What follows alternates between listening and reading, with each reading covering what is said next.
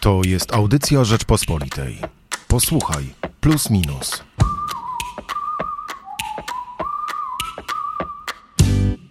Kolejny z podcastów wyłącznie o wojnie nam się niestety zapowiada, bo też wciąż nie ma innego tematu niż wojna. Dzisiaj w redaktorskim gronie ja nazywam się Michał Płociński, a jest ze mną Jerzy Haszczyński. Dzień dobry. Dzień dobry, dzień dobry. E, Jerzy Haszczyński, którego e, słychać trochę lepiej, bo jest na miejscu w redakcji Rzeczpospolitej. E, miałem nadzieję, jak się umawialiśmy wczoraj na, na nagranie tego podcastu, że się wreszcie, panie Jerzy, zobaczymy i na żywo będę mógł panu pogratulować odwagi, no i świetnej roboty wykonanej w Kijowie. Wrócił pan dopiero co z trwającej na wschodzie wojny, no ale niestety okazało się, że, że mam alarm covidowy czyli jednak ta pandemia jednak nie minęła, mimo tego, że jest wojna, aczkolwiek no, jest to zdecydowanie mniej ważny temat.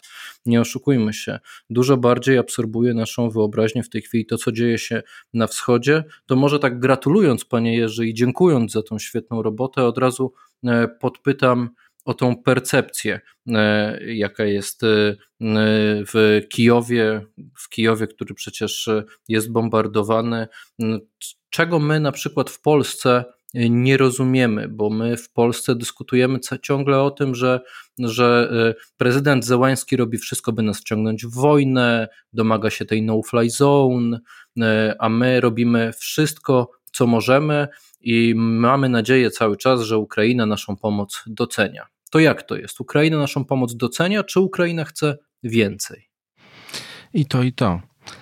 Docenia, dlatego że Polska jest zazwyczaj wymieniana na pierwszym czy jednym z pierwszych miejsc wśród państw, które otworzyły się na Ukraińców i pomagają Ukraińcom i Ukrainie.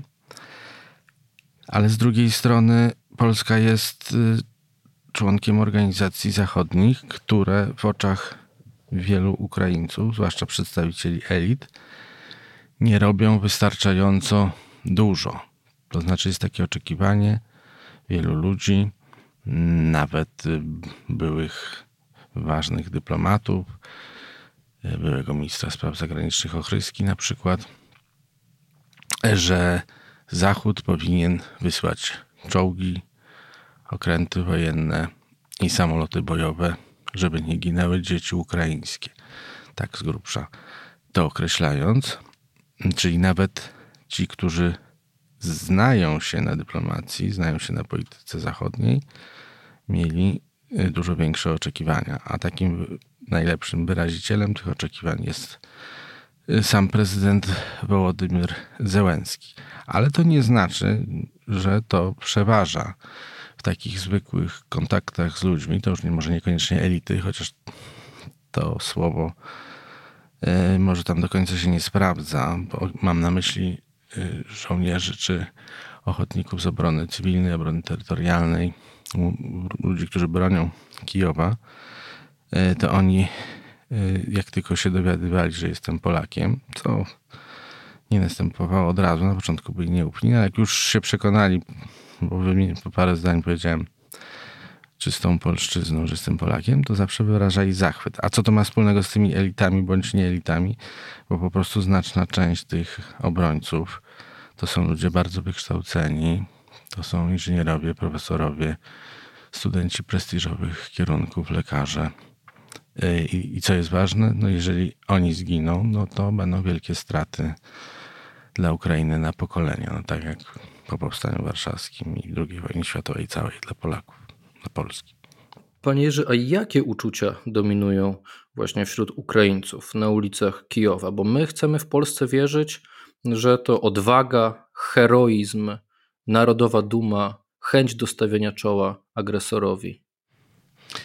To jest bardzo trudne pytanie. Ludzie nie tylko w czasie wojny prezentują się obcokrajowcom, ludziom z zewnątrz, tak, żeby to jak najlepiej wyglądało i żeby oni się dobrze zaprezentowali, żeby ich społeczeństwo się dobrze zaprezentowało, ich kraj się dobrze zaprezentował.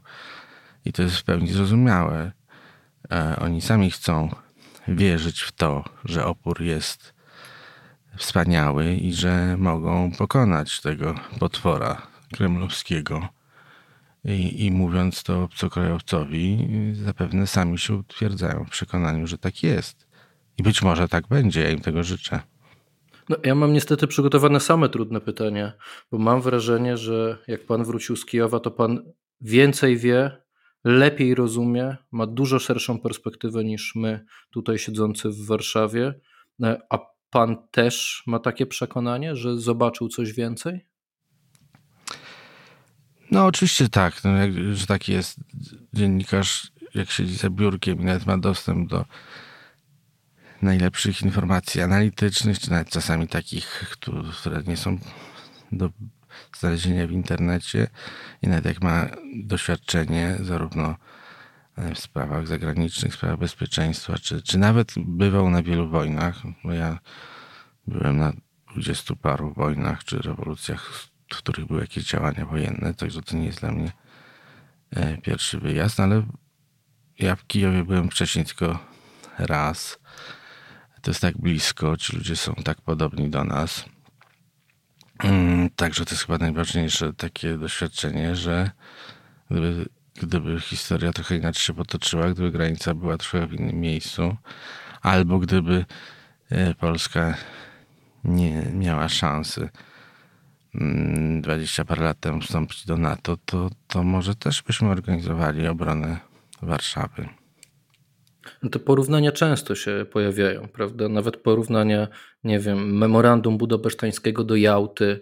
E, czuć jakąś taką więź także z naszej perspektywy e, z Ukraińcami. Rozumiem, że ją też czuć po drugiej stronie z tego, co Pan mówi. A jakie jest teraz Pana podejście? Jak Pan już jest w tej Warszawie i, i wrócił do tej pracy z zabiórkiem, E, czy, czy czuje Pan, nie wiem, jakąś teraz jeszcze większą więź i jeszcze bardziej osobiście tę wojnę traktuje przez to, że widział Pan, jak to jest e, namacalnie Pan poczuł, jak to jest blisko i jak to jest podobne, jak to jest obok? No wolałbym się tutaj nie roztkliwiać. Jestem dziennikarzem. Uwzględniam emocje bohaterów, uwzględniam różne elementy i świetnie, że miałem szansę dotknąć, powąchać posłuchać odgłosów spadających bomb czy ciągłego alarmu bombowego, ale no, to nie znaczy, że ja jakieś będę teraz pisał poetyckie teksty z tezą.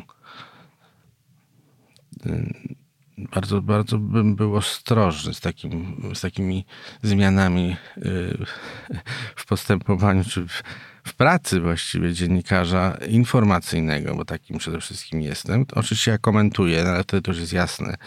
Jest to podkreślone, że to jest komentarz i wtedy, wtedy wyrażam swoją opinię, ale no, uważam, że, że to nie jest moje zadanie, żebym ja przeżywał jakieś nieprawdopodobnie emocjonalne stany. Może to brzmi źle, może się niektórzy zmartwią, czy obrażą, czy będą oburzeni, ale ja staram się. Czasami niestety, no nie, czasami niestety to wycinamy tutaj.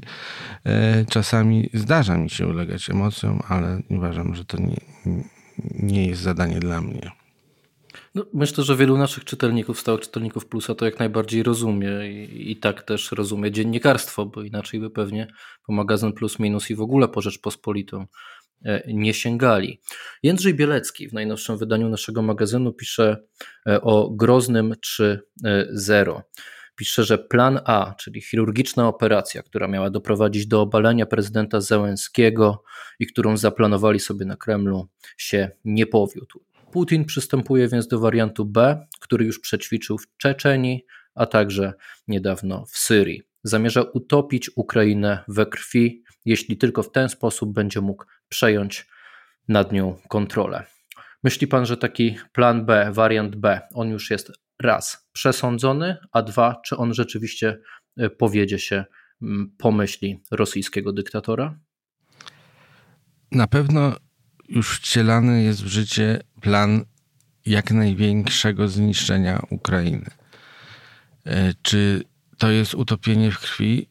E, no, przy okazji też, chociaż chyba skala nie jest porównywalna, znaczy na pewno nie jest porównywalna z syryjską, ale jak ktoś mówi takie rzeczy, to też zaraz będzie oskarżony o to, że jest nieczuły albo nie dostrzega ofiar. Dostrzegam ofiary, podkreślam, dostrzegam ofiary, ale nie jest to skala Syrii jeszcze i mam nadzieję, że nigdy nie będzie. Mm, no i z drugiej strony mm, niekoniecznie to się musi udać y, Putinowi, nie tylko ze względu na, na opór bardzo duży Ukraińców, ale chyba też słabość o której się, której się nie spodziewaliśmy i pewnie Putin też się nie spodziewał, e, armii rosyjskiej, e, która dostała zadyszki i nawet wspomagana rezerwami, cały czas nie może wykonać jakiegoś większego następnego skoku. I niech tak tkwi.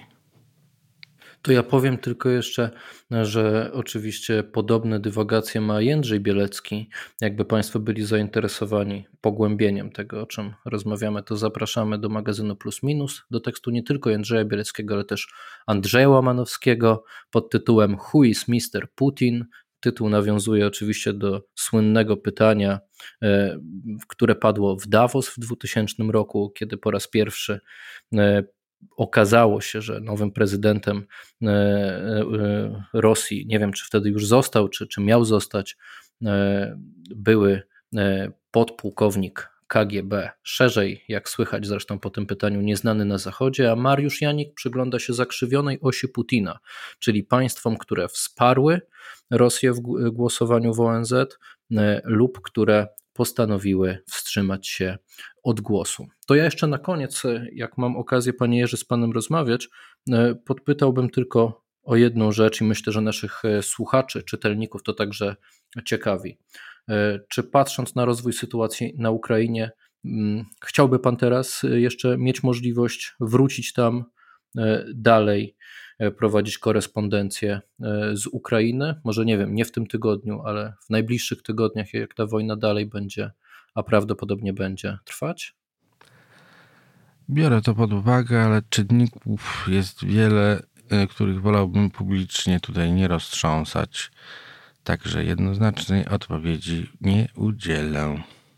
Ale mam nadzieję, że na łamach plusa minusa jeszcze będziemy mogli pańsk, pańskie teksty ukraińskie poczytać. Zapraszamy w takim razie już teraz do kiosków oraz na stronę www rp.pl, ale też w następnych tygodniach, kiedy mam nadzieję, tutaj taki e, mały szantaż, bo mówię to właśnie publicznie, pojawi się także tekst mojego gościa Jerzego Haszczyńskiego, szefa działu zagranicznego Rzeczpospolitej. Bardzo dziękuję za rozmowę. Dziękuję bardzo. Słuchaj więcej na stronie podcasty.rp.pl. Szukaj Rzeczpospolita Audycje w serwisach streamingowych.